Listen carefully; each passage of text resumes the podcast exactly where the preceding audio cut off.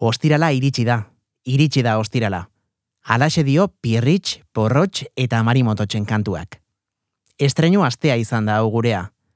Gogoraritu gara lanean, gauzak albezain txukuren ateratzeko. Naiz eta oraindik badakigun lan asko geratzen zaigula egiteke.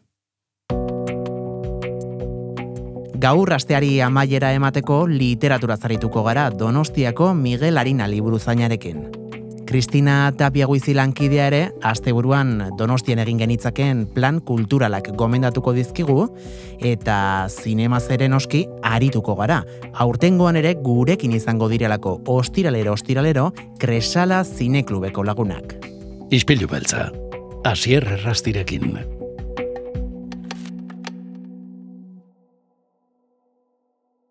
Pedro Saldaña, ongi etorri gure ispilura. Eh, Egunon, buenos días. Bueno, Pedro, contigo estrenamos la primera sección de Cresala Cinecluba de esta temporada de Ispillu Belza y para ello nos has traído una, una, película de Corea del Sur, del director Bon Joon-ho.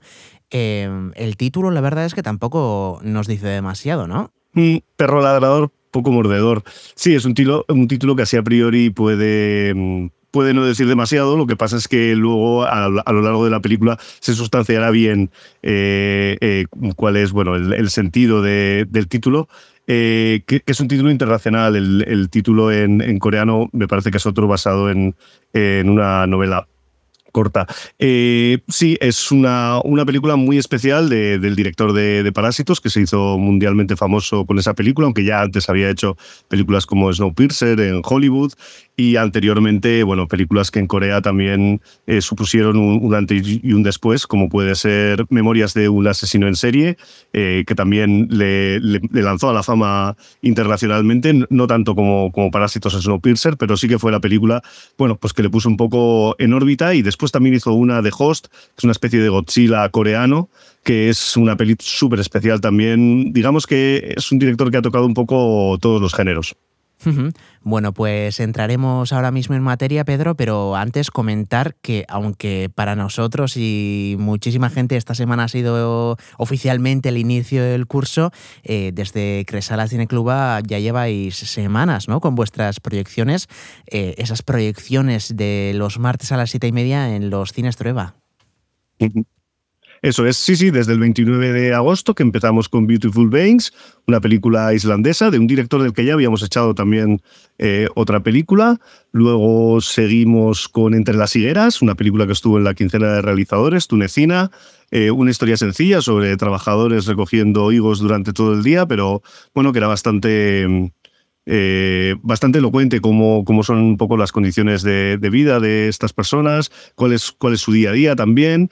Y luego también pudimos ver Medusa Deluxe eh, el día 12, que bueno, es un plano secuencia sobre un, un, asesinato, una película también bastante, bastante especial y bastante espectacular.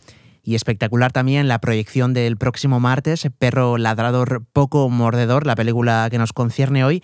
Eh, la verdad, Pedro, yo para prepararme un poquito esta sección me he leído, entre otras cosas, eh, la sinopsis y mm, bueno, te lo voy a decir así de crudo, me he quedado loco. sí, sí, sí. Eh, realmente, básicamente hay dos protagonistas, luego están todos los secundarios que van poblando. Eh, un aspirante a, profesor que tiene que decidir si entrega un soborno de 10.000 eh, dólares eh, al decano para que le consiga el trabajo, mientras tiene que soportar los ladridos de un perro que vive en su, en su mismo edificio y paralelamente también la historia de una chica que trabaja eh, en el en los locales comerciales de, ese mismo edificio y que, bueno, a medida que van desapareciendo perros en la película, pues va echando una mano a sus conciudadanos porque ella lo que quiere es ser una especie de heroína porque ve en la tele, eh, bueno, pues un, una noticia sobre también alguien que rescata a otra persona y no sé qué.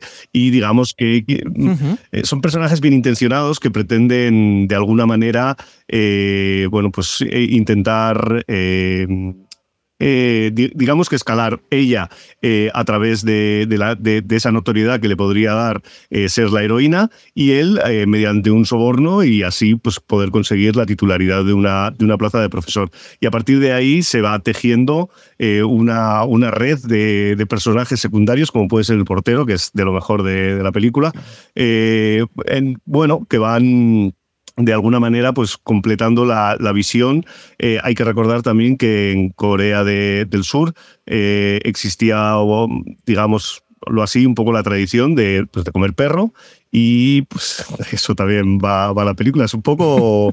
Eh, hay que decir que al principio de la película eh, hay un cartel bastante claro en el que se advierte al espectador que absolutamente todas las secuencias eh, con los animales han sido supervisadas por, por un equipo especializado para que ninguno de los animales sufra nada durante el, durante el rodaje o durante la película, porque es verdad que, bueno, pues les hacen muchas perrerías, las cosas como son.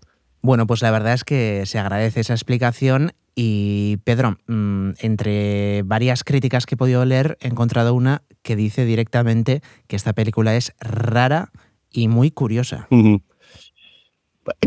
A ver, yo creo que es un poco el. Eh, tiene el tono que tienen eh, todas las películas, independientemente del género, de Bon Joon-ho. Y es un tono sarcástico, de humor negro. Por ejemplo, por, solo por desvelar un pequeño chiste que no tiene ninguna importancia sobre lo bien intencionada que es eh, eh, la chica, eh, hay un momento en el que se queda dormida en, el metro y eh, viene una, una, persona que está pidiendo y que le deja pues, un papel, el típico papel en el que pone, pues estoy sola, eh, necesito ayuda para cuidar a mi hijo.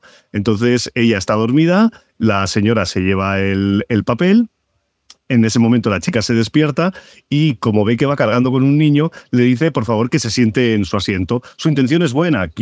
Eh, ella lo que pretende es que esa persona que va cargando con un niño no esté de pie en el metro, sino que se siente y esté más confortable. Pero claro, esa señora tiene que seguir haciendo la ronda de dejar los papelitos en los demás y para poder sacar algo de dinero. Entonces ahí se produce un equívoco bastante gracioso. Y digamos que esa clase de humor es la que impregna toda la película y yo diría que prácticamente toda la filmografía de, este director, que como antes decía, no es muy, muy amplia, pero sí va tocando distintos géneros y además de una manera, yo creo que muy, muy acertada.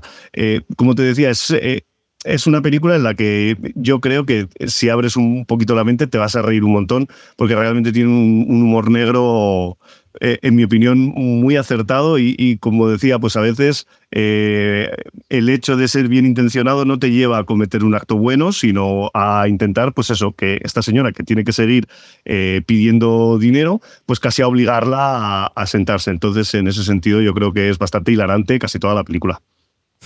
Y a raíz de lo que comentas, Pedro, es verdad que en muchísimas críticas hemos podido leer lo del humor negro. Eh, no sé si es un humor negro, bueno, eh, donde el público pueda sentirse a gusto o eh, aquel que está un poco jugando con los límites del humor. Ya te entiendo, no, no. En ese sentido yo creo que es mucho más bien intencionada de... de a ver, en, en algún momento puede haber cierta crueldad con los personajes si no alcanzan los objetivos que quieren. Pero bueno, eso ocurre en cualquier película, pero no, el, humor negro que utilizan en esta película no es tanto sobre eh, quizás la muerte en sí, sino sobre eh, cómo la vida a veces pues, te da la espalda, eh, este tipo de cosas, como a veces intentas hacer algo y te sale lo contrario. Y en ese sentido, claro, ves, mm, digamos, de alguna manera ves fracasar a, los personajes y eso en sí mismo tiene cierta gracia porque por otro lado también todos nos vemos reconocidos en, eh, eh, en, ese tipo de actitudes y en ese tipo de fracasos también. Así que en ese sentido yo lo que diría más bien es que es un humor negro más tirando a blanco que otra cosa. Lo que pasa es que sí, también tiene mm, su mala leche y, los amantes de los animales en algún momento van a decir, pero bueno, pero por favor, ese perrito. Pero bueno, eh, como digo, la película viene avalada por eh, por, bueno, para empezar, que antes no lo he comentado, por su paso por el Festival de San Sebastián, estuvo en el Festival de San Sebastián, su siguiente película también, eh, Memorias de, un, de, una sesión en serie, que esa es la que antes he comentado, que lanza un poco a la fama internacional. Y bueno, yo, yo creo que es una película que cualquier amante del humor, en cualquiera de sus estados, va a agradecer porque no eh, en ningún momento sobrepasa ningún límite que sea, que sea excesivo. Me acaba de venir una crítica del periódico The Guardian en el que decía que aunque los que ladrasen en esta película fuesen los perros, los que verdaderamente muerden, eso sí, son los humanos. Tal cual, es que, claro, no puedo desvelar muchas cosas de la trama, pero sí, sí, los personajes evolucionan eh, lo suyo y digamos que alguien que es capaz de hacer algo muy malo en un momento determinado, luego quizás es capaz de hacer algo bueno por todos los demás. Y esto en sí mismo también, bueno, pues viene a ser un poco eh, una lección que yo creo que todos tenemos que aprender y es que por mucho que eh, o sea, te, pongo un ejemplo. Eh, yo igual eh, estoy conduciendo con mi coche, veo que alguien quiere pasar por un paso de cebra y me paro, pero si un poquito después me salto un semáforo, lo anterior, digamos que de alguna manera queda anulado. Quiero decir, he cometido una infracción y eso, por mucho bien que haya hecho antes, tiene que ser de alguna manera penado o, o juzgado porque es que los personajes ya vamos a ver en la película que, bueno, pues que son capaces de, una cosa y también son capaces de la otra, que en mi opinión también esos son los personajes normalmente en las películas más interesantes. Los personajes planos, que solo son buenos o que solo son malos, suele, suele, mm, suelen ser en ese sentido quizás un poco más aburridos. Por ejemplo, James Bond o cualquiera de estas películas en la que el malo es malísimo y James Bond es el mejor. Eh, funcionan un poco por clichés, como también eh, funciona en cierta manera la comedia, ¿eh?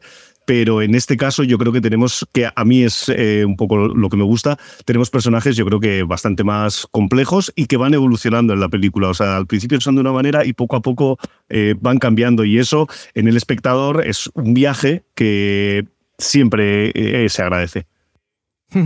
Una hora y 45 minutos es lo que dura esta película de Bon Joon-ho. Em, es del año 2000, han pasado ya 23 años. Em, muchas películas de humor no suelen envejecer excesivamente bien. ¿Esta, esta qué tal lo ves? Em, para verlo desde la mirada primero de Occidente y después 23 eh, años más tarde.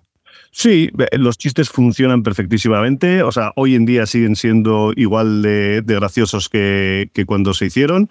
En ese sentido, es una película que no ha envejecido nada mal. Es más, para mí, cuando la vi, la vi hace ya un tiempo, fue un, auténtico descubrimiento y el compañero del Cineclub Paul eh, me comentó que la aventura, porque él suele estar muy, muy pendiente de, qué tienen las distribuidoras, etcétera, me comentó que, habían adquirido la aventura, la distribuidora, eh, esta, esta película, pero que en realidad, o sea, en la que habían adquirido Memorias de una sesión en serie, que es como más famosa, y que también tenían los derechos de esta. Y cuando me lo dijo, fue como, joder, Paul, tenemos que poner esta peli porque es una ópera prima. Como hay pocas óperas primas que impacten de esta manera y que, y que sean tan acertadas en, muchos de los análisis. Quizás en algún momento puede ser un poco atropellada, quizás en algún momento también hay eh, algún momento un poco más naif, pero, pero es que la película funciona súper bien y tiene gags que es que funcionan, da igual que los hagas en los años 20 o ahora. El, eh, en este caso no hay mucho humor físico, humor físico entendido como, bueno, pues eh, eh, resbalones, etcétera, como lo que podían hacer mucho Chaplin, etcétera, en el, en el cine mudo, el slapstick. Pero el slapstick también es un género que hoy en día sigue funcionando exactamente igual de bien. Los clowns, cualquier tipo de espectáculo con, con, humor físico, a los niños les hace reír un montón y a la mayoría de los adultos también, porque a todo el mundo le gusta cuando a alguien se le cae un cubo en la cabeza lleno de pintura o todo este tipo de cosas, todos nos reímos eh, con ello. Y bueno, aunque la película, como digo, no tiene esta clase de humor, sino eh, un humor más basado en el diálogo, en las acciones, eh, pero no tan físico, excepto alguna secuencia bastante buena, sí que es verdad que, bueno, que no ha envejecido nada mal. Tiene además también alguna secuencia en la que de repente se convierte casi en una peli de terror. O sea, digamos que va cabalgando también en la propia película entre distintos géneros y yo creo que lo hace de una manera muy inteligente y con los medios que tiene, porque esta es una película independiente, eh, de una manera, en mi opinión, sobresaliente. Y antes de acabar, Pedro, me gustaría preguntarte a ver a qué tipo de público recomendarías ir a esta proyección del próximo martes en los eh, Cine Trueba. Mm, pues yo diría, a ver, eh, siempre se dice lo mismo, la verdad, pero cualquier espectador que esté dispuesto a reírse, a pasarlo bien, en algún momento a sufrir un poquito, muy poquito, ¿eh? con, con los personajes, con sus decepciones, etcétera.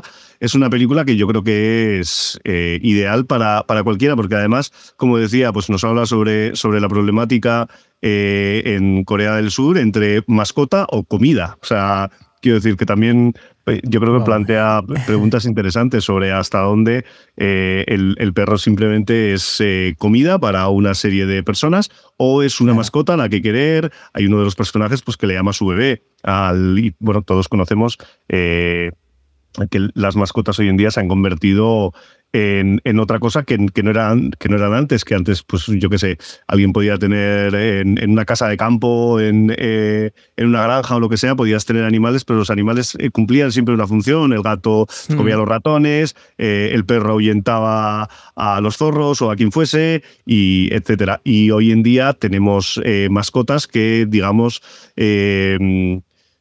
que son una extensión de nuestro afecto, a quien eh, pues eh, acariciamos, con quien nos reconfortamos y por las que sufrimos. Entonces esta ambivalencia entre eh, unos personajes utilizan el perro para comer y otros quieren mucho a sus perros, de alguna manera también yo creo que es bastante gracioso y, y, nos habla, bueno, pues de un problema que tenían o que tienen en Corea. Yo no he podido ir nunca todavía a Corea, espero ir algún día.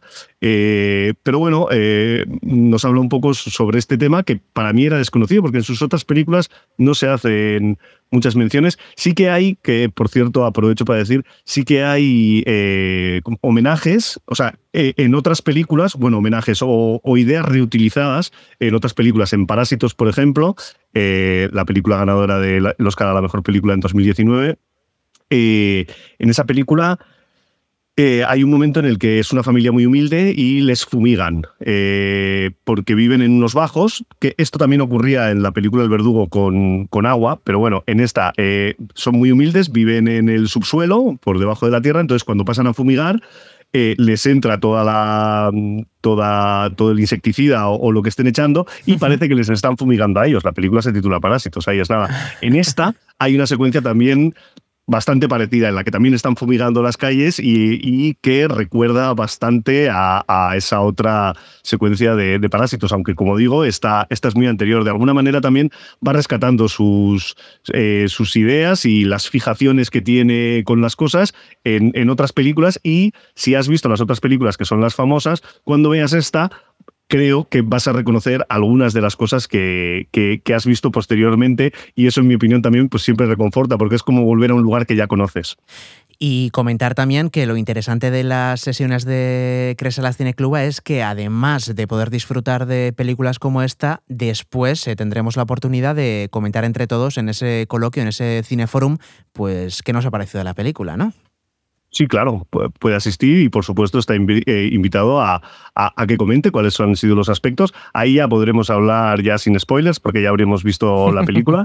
Y bueno, pues un poco los mejores gags, por qué ocurre esto, eh, eh, por qué esta secuencia es tan graciosa, tan chula, por qué aquí cambia de género, bueno, todas estas cosas yo creo que es muy interesante hablarlas y, y debatirlas porque bueno, es muy enriquecedor para, para la visión que te da sobre la película y sobre, y sobre el director director también. Ba, Pedro Saldaña, eskerrik asko gure izpilura gerturatzeagatik eta laizter arte. Zuei, eskerrik asko, agur. Ispilu beltza podcasta entzun gai duzu Spotify, Apple Podcast, Google Podcast eta beste hainbat audio plataformatan.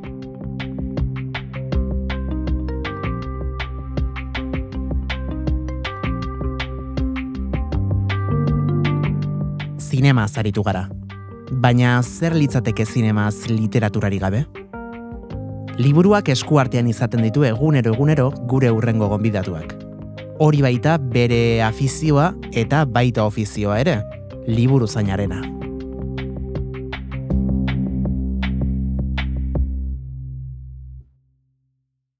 Miguel Arina, ongi etorri gure izpilura. Kaixo, Ratzaldeon. ¿Qué, ¿Qué tal? ¿Qué tal estamos, Miguel? Bien, aquí pues trabajando, trabajando un poquito todavía. Como me gusta, nada.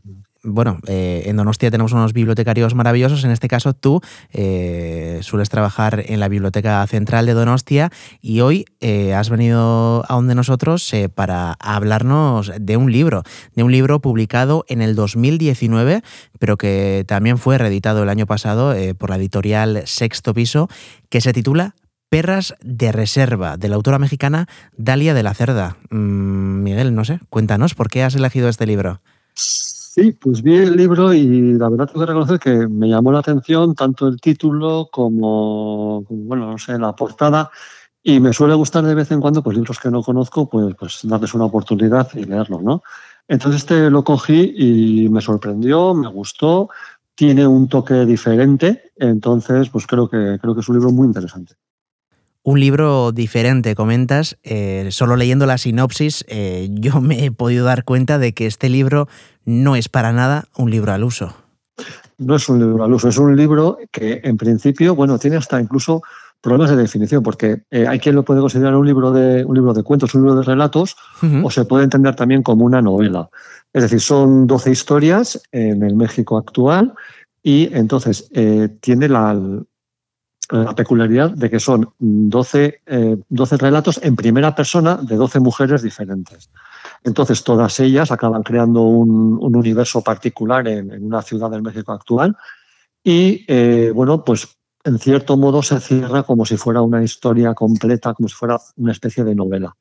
Y entonces eh, ya empezamos con la estructura que tiene, que me parece, me parece fantástica, pero luego lo más lo más importante, quizás lo que más relieve le da, es el, lenguaje. Es un lenguaje que, bueno, es un lenguaje del México actual, con, su, con sus peculiaridades personales de cada uno de los personajes. Eh, cada personaje habla como realmente hablaría un personaje con esas características. Hay de todos los tipos sociales, de todas las zonas de, de la ciudad, de todos los ámbitos. Entonces, eh, cada personaje pues habla como, como le corresponde a su, a su posición social, económica, etc. Y al ser eh, mexicana, esta, esta autora y, también eh, las historias que se cuentan dentro, ¿es fácil de entender para nosotros o, hay palabras que nos pueden costar un poquito? Bueno, puede costar eh, alguna palabra concreta, pero bueno, el contexto te acaba, te acaba llevando a lo, que, a lo que te quieren contar. O sea, eh, no es importante una palabra o dos que no las puedas entender. Lo que sí es importante es el, el ambiente social, personal que se va creando con la novela. Eh, en el México actual, pues desgraciadamente estamos en un ambiente de, de violencia violencia y es una violencia que, está en todos los ámbitos, en todos los personajes. Eh, todos ellos viven inmersos en ese mundo de, violencia y, la verdad que es una, una novela, un libro eh, bastante, bastante crudo, pero bastante real. Al margen de esto, bueno, yo tengo una, una conocida que es mexicana, que vive aquí, es escritora y tal, y me decía que sí, que, que es parte del México actual y fundamentalmente, claro, son historias de mujeres de cómo viven las mujeres en México actual. Eh, no es un reportaje, es, literatura, realmente es una novela y donde tiene un cuidado excepcional del lenguaje, de, del desarrollo de, los argumentos, de la estructura de, cada, de cada relato en sí y, lo hace, claro, eh, atrayendo el, tema tanto del lenguaje como con, con el tema mantiene atención, como he comentado, con, una, con un ambiente de violencia bastante fuerte, con bastante crueldad, y hace que sea en ese sentido una novela que te, que te acaba atrapando, te acaba atrapando por el interés que tienen las historias que se van contando en ellas. no, no es la, la, estética esta vacía de lo escribo muy bonito, con muy buenas palabras, pero no, por dentro tiene, tiene sustancia de verdad. Y no sé si estos eh, relatos, estos cuentos están relacionados entre sí, eh, todos eh, entre ellos generan un conjunto o cada uno es completamente independiente. No, no, no son independientes. hay personajes que aparecen en varios cuentos y lo que en un cuento es en primera persona quien relata su historia, puede aparecer en otro de los cuentos como, como un personaje complementario que aparece en esa historia. Tienen relación varios de ellos. Por eso digo que, que tiene esa especie de configuración de novela porque se va creando un, un mundo en, en, el, en, el, propio libro, eh, atando pues, las historias de, de, una manera o de otra con la aparición de los personajes en diferentes de estos relatos. Eh, has comentado la violencia y sin lugar a dudas otra clave de, esta, de este libro, de estos eh, cuentos, de estos relatos, es la mujer, ¿no? La mujer es, eh, digamos, el principal personaje de, todos ellos. Sí, claro. bueno, la, autora, aparte de, escribir literatura, se mueve en el mundo de, de la ayuda a las mujeres, de asociaciones de feminismo, de defensa de las mujeres en México y tal. Entonces, claro, ella aprovecha para reflejar una realidad que a ella le interesa y lo presenta, ya lo digo, de una manera bastante cruel. Lo que sí, claro, eh, luego pensando sobre, sobre la historia, eh, veo que, o sea, no es una novela moralista en el sentido de que te plantea la historia y te da la solución o te dice lo que tienes que pensar. Simplemente lo deja, cuenta las historias, son 12 historias, ya digo, de diferentes ámbitos, y en la propia mente del lector se va creando, se van creando las, soluciones o los planteamientos que, ella quiere, quiere exponer. Pero no no te lo da masticado, no te dice esto es por esto y te lo explica. O sea, no hace falta, yo creo de todas maneras que no hace falta que lo explique y la buena literatura suele ser así, que te cuenta la historia y, y dentro, dentro está todo lo que te puede contar el, autor. Y no sé, Miguel, eh, si estos relatos son fáciles de leer, eh, tienes que tener un poco de experiencia en el tema de la lectura, o a qué tipo de persona le recomendarías esta obra? Eh, bueno, no sería para un, para un lector novel. Es gente, pues quien lee habitualmente, los lectores que leen habitualmente, cualquiera de ellos puede, puede acceder a esta, a esta novela sin ningún problema. Sí es verdad que hay, hay historias que, eh, bueno, hay que esperar a que cierre la historia para acabar de comprenderla por completo o para saber a qué se está refiriendo, pues hace falta pues la paciencia del lector también de no querer que me resuelvan todo en, dos hojas, ¿no? Entonces, bueno, pues vamos, vamos leyendo la historia, pero un, un lector medianamente, medianamente experto, pues lo, lo lee sin ningún problema. O sea que aparte del tiempo que inviertes eh, leyendo, bueno, todo lo escrito por Daila de la Cerda, luego también, ¿no? Te tienes que coger un, tiempo para reflexionar sobre todo lo leído. Sí, bueno, puede ser este, este caso de que sucede con algunos libros, con algunas novelas que suelen leer. Hay novelas que simplemente son de entretenimiento, que la lees, te entretiene y se acabó. Pero suele haber otro tipo de obras que, que se te quedan en la cabeza dando vueltas, ¿no? Y yo creo que esta es una de ellas. O sea, leerla con atención, pero independientemente de la atención, eh, debido a, las dos cosas, a lo que cuenta y a cómo lo cuenta, que claro, todo tiene mucho que ver. El fondo y la forma tienen que estar bien, bien engarzados. Y la verdad que es estas historias que se te quedan en la cabeza y luego pues puedes reflexionar sobre ellas y al tiempo te puede venir. Y mira, está también bien porque, claro, al ser diferentes mujeres de diferentes ámbitos, se relacionan pues con cualquier tipo de, noticia que te pueda venir de México, tiene que, tiene que ver pues, con alguna de estas mujeres o, de un ámbito cercano a, ellas. Y yo creo que lo presenta con, mucha viveza, con mucha, con mucha realidad, es, es muy, muy real.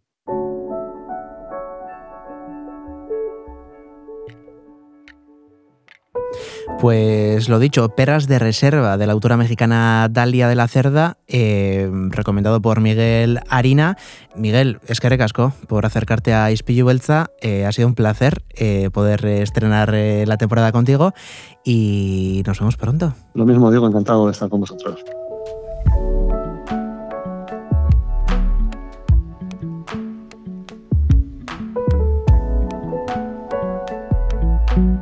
Ispillu Belza asier errastirekin. Ai, ze ondo iritsi da ostirala, eta, eta ze ondo ostirala izateaz gain ere, hemen gurean ostiralero Kristina Tapia guizi izaten dela. Kaixo ongitorri, Kristina. Egunon, zer moduz azier? Oso ondo. Wow, nekatuta nago, eh? Bai. Bai, estreñoak ez dira inoiz errezak izaten, baina, baina gustora, gustora izan duen harrerarekin, eta gustora, bueno, ba, baditugu gauzako betzeko noski, baina hortan jarretuko dugu hmm. lanean. Zu zer moduz? Ongi, hemen, ostirala da, eta pozik. Horregatik, bai. Aizu, eh, ona etzara txarletara etorri. Eh, bueno, et, et, bueno, bat bai. Bai, ere bai. Ere bai, ere bai. E, asteburu hontan ere, beti esaten dugun moduan, donostian ez dugu aspertzeko astirik izango, e, eta donostian aspertzen dena e, nahi duelako izaten da, behintzate kultura arloan badauzkagulako e, eskaintzak e, barra-barra, eta zuk horietako batzuk e, bueno, ba, ekarriko dizkiguzu, naiz eta esatea, e, hau lagin txiki bat besterik ez dela, ez da? Donostian bai. e, egin genitzaken gauza guztietatik dena kontrolpean izateko donostiakultura.eu. Hor dena dago. Eta gero hemen gauza batzuk aipatuko ditugu. Ez guztiak, baino gauza batzuk bai gogoratzen duzu astelenean esan genuela e, jaiak genituela donostiako hainbat auzotan eta asteburuntan ere e, ba, indarrean daude e, porrontxoak egian jolastokietako e, jaiak altzan, loiolako herriberetako jaiak eta aieten ere bai. Eta guan, e, igual ongirutzen baldima zaizu aieten e, egingo duten e, gauzaten inguruan arituko gara hasier zeaieteko jaiak dira eta hoien baitan bertso gira bat antolatu dute. Bertan egongo dira Alaia Martin, Beñat Gazelumendi, e, amaiketatik ordubiak arte, bihar, larun bata, beraz nik uste dut plan polita izan ba, daitekela. Eh? Bai, bai, gainera irakurri dut, e, lehenengo aldiz horrela komisio bat sortu dela, e, mm aieten e, festen inguruan, eta ea, ea aieten pixkat ez, e, auzogintza hori bultzatzen den, eta urte meintzate, sekulako, bueno, ba, parrilla sortu dute, sekulako programazioa, eta ipatu duzu, e, astelenean hasi zirela jaiak, hmm. eta asteburuan indarrean jarraitzen dutela, agian mm, bat baino gehiago esango lizuke benetan gaur hasiko direla bai, bai jaiak. Bai, bai, A ber, aste guztian gauzak egon dira, baino egia da batzuentzat e, asteburuan hasiko dira jaiak. Gaurko kontzertuak, e, txosnak. E. Hori da, hori da. bueno, na, norberak jakingo du noiz, noiz urbildu jaietara, baino jakin dezazuela. goizeko ekintzetara apuntatzeko... Zergatik esaten duzu hori. Ah, ez, besterik ah, gabe. Ah, ez aurre iritzi bat. ez, ez, ez, zure izaeragatik edo. Vale, vale. bai, bueno, ez dakit, ja adinonekin zer nahi dezu egotea hor. Ah, zuk esantzen ez dake. Bai, claro. Adinarena. Bai. Vale, vale. bueno, guazen e, beste plan batzuk aipatzera. Aurrentzako aipatuko ditugu gauza batzuk. Badekizu asteburutuan, asteburuetan Donostia Kulturak alegin beresi, beresi egiten duela e, aurrentzako gauzak antolatzen eta gaztertzenan, igandean, e, arratzaldeko posterdietan, Grit Kind, zirkus Etiopia izena duen e, proposamen bat e, e, antolatu du. eta, bueno, antzerkia omen da, baino zirkus ere ikusten dut izenburuan, beraz pentsatzen dut bietako nasketa bat izango dela, e, interesgarria ematen du, beraz nahi izan ez gero, gaztezenara, umeekin joateko aukera polita. Eta gero, e, pelikula bat aieten e, Minions el origen de Gru, eh? Igual ikusita dakazu. nik bai. Nik ere bai. Ba, ni gainera superfana naiz Minionena, ba, eh? Aiete kulturretxean e, bihar, larun bata, bostetan, zinea, nahi izan ez gero, e, beste proposamen bat, eta nahi izan ez gero, kontzertuak e, aipatuko ditugu. Hasier, e, kontzertu bat aipatuko dut, baina e, joan nahi baduzu, sarrerak ez daude, agortuta daude. Ah. El kolumpio asesino. Zer utzen ah, zaizu? Gustatzen zait, eh? Pues ez dago sarrerarik, aspalditik gainera. Imaginatzen dut. E, bihar egongo dira intxaurrondon, deklubaren baitan, e, bedatzietatik aurrera, baino ja, berandu da. Orduan, e, bota dezu, ez? Bota dut, jakiteko hemen egongo direla, e, beraien musika entzungo dutela batzuk, e, baino... kalean aurkitzen baditu. Bai, baino agortuta daude sarrerak, beraz, bueno, ba, badekizue bogunea noiz benka komeni dela bisitatzea, ze gauza batzutan, ba, sarrerak azkarre bukatzen dira, beraz, e, adi, adi egon. Beste gauza bat, igual gustatuko zaizuna, esango izut diskofesta bat. Oh. Kikitaka irratia diskofesta. Mm. Zer irutzen zaizu? Ba, izena erakargarria. Hm. Ba... Eh, imaginatzen dut aurrentzako proposamena dela, hau? Bai, aurrentzako da, eta bihar izango da, ratxaldeko seietatik aurrera, Gabriel Maria Lafite plazan, eta nik uste dut interesgarri izango dela, aurrentzat eta igual zuretzat ere bai. Ze ikusten zaitut grun, aditua zarela, eta bar. Bueno, eh, astelenean porrotxitzan genuenetik hemen, eh, danamat aste osoa, euren diskografia osoa errepasatzen. Bueno, bez? Eta, bueno, mm, berain diskografia da, iaia oskorriren abezain zabala, bai, beraz. Bai, bai, bai, babitu. Plan bat izan daiteke. Vale, e, esan duzu plaza, baina non dago plaza hori? Ba, loiolako herriberetan, hasier, beraz, nik uste dut e, primeran, ez? Beraz, loiola alde hortan, aste honetan, buf, badauzkagu gauzak egiteke, eh? Mm -hmm. Bertar gerturetuzkero. Mm -hmm. e, primeran, mm, zer begeago? Itzaldi bat e, ah? aipatu nahiko nuke. Bai, Eneka Fernandez entenza egongo da Santelmo Museoan, bihar, amabietan, hitz egiten Terranobatik Gran Solera e, proiektuari buruz. Badekizue e, liburu bat egin duela argazki sorta batekin eta bar. Eta, bueno, ba, itzaldi ederramango du autoreak berak, Eneka Fernandezek, eta igan interesgarria izan daiteke Santelmora urbiltzea. Bai, eta in zuzen gurekin izan zen aste artean, beraz, e, aste arteko saioa entzuten baduzue, mm, informazio guztia bertan izango duzue, e, aski interesgarria, e, biharre santelmon aurkituara izango duguna, guardiko amabietan, mm bueno, entzun elkarrezketa. Bai. Ez du gehiago esango. Bai. Hortxe amua, eta oso gomendagarri, ni behintzat bertan izango naiz, eh? Eta itzaki izan daiteke baita, Santelmo Musea e, bai. bizitatzeko. Mm, agian e, zuetako asko ezagutzen duzu da, baina ez baduzu ezagutzen oso leku interesgarria da. Badekizue aste hartetan doan dela, e, beraz, e, sartu altzarete ordaindu gabe, igual aste hartetan e, zinduzue, baina, bueno, e, ba, ezin baduzue, ordaindu barko duzue, baina norbaitek nahi baldin badu aste artean, igual txandakaldi bari baldin bada norbait lanean, edo? Ez digute bronko batako goikoek. Sekretu txaue kontatzeagatik. Baina webgunean dago informazio guztia, favorez. Jo, eh? Eta baino... olako trukoak zabaldu behar dira, ez? Aste hartetan, e, museora joteko aitzakia, gainera, bueno, gurean ere izan dugu aste honetan e, bertan aurkitzen den esposizio dorakusketa baten berri, e, klima ideal udako kartelak, beraz, mm, bueno, mm, planak barra-barra bihar, e, bihar eta, bueno, bihartik aurrera ere, Santelmo bai. Museoan. Bai, aipatu ditugu Donostiako hainbat gauza, hasier eta batez ere badekizu hemen Donostia Kultura Irratian Donostiako ekitaldiak aipatzen ditugula, baina nahiko nuke ondoko herri batera hurbildu, errenteriara, mhm. ze asteburu hontan Atlantikaldia e, dugu, oso ekimen polita da, bueno, uh itzaldiak, kontzertuak eta gauza mordo antolatzen dituzte eta Donostitik hain hurbil dagoenez pena matentzean ez aipatzea, ba, bai, ba, bai.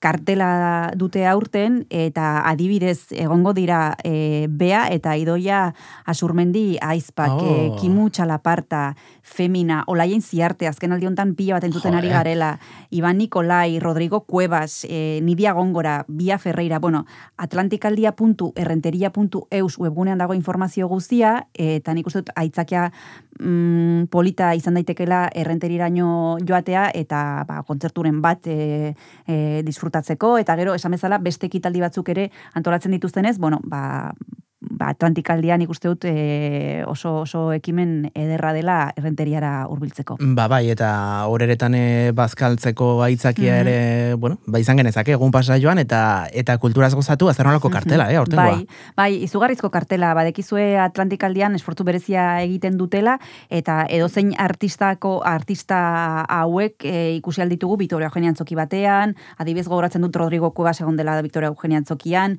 Bea eta Idoia Asurmendi izan genituen e, ba, donostin e, e, jasaldian edo musika parkean edo bueno, e, direla mm, musika parkean musika parkean, bai. bai. eta bueno, e, lehenbiziko mailako artistak bai, bai, dira, bai, bai. olaia inziarte bueno. e, bera ere, eta bueno, ba, hor e, errenterian egongo dira, doan dira kontzertu guztiak, beraz, aukera polita.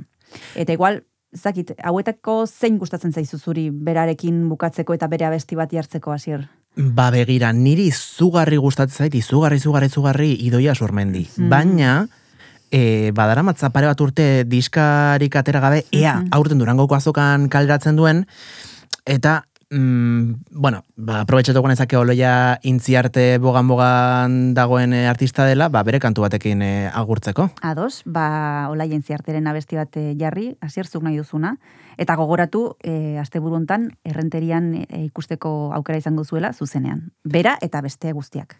Hori da, eta gu orain ba, festetara guaz, e, jazta, bukatu dugu astea, astelenean itzuleko gara, goizeko zortziretan donostia kultura irratian, eta bestela badakizu goizeko seiretatik aurrera zure audio plataforma gustukoenean, beraz, e, Kristina Tapia guizi askerrek asko gurekin izateagatik, eta gozen, aste buruz gozatzera.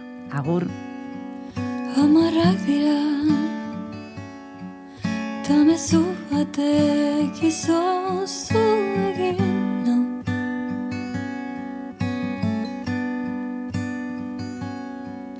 Ez da egia Ez da egia ezin nahi teka izan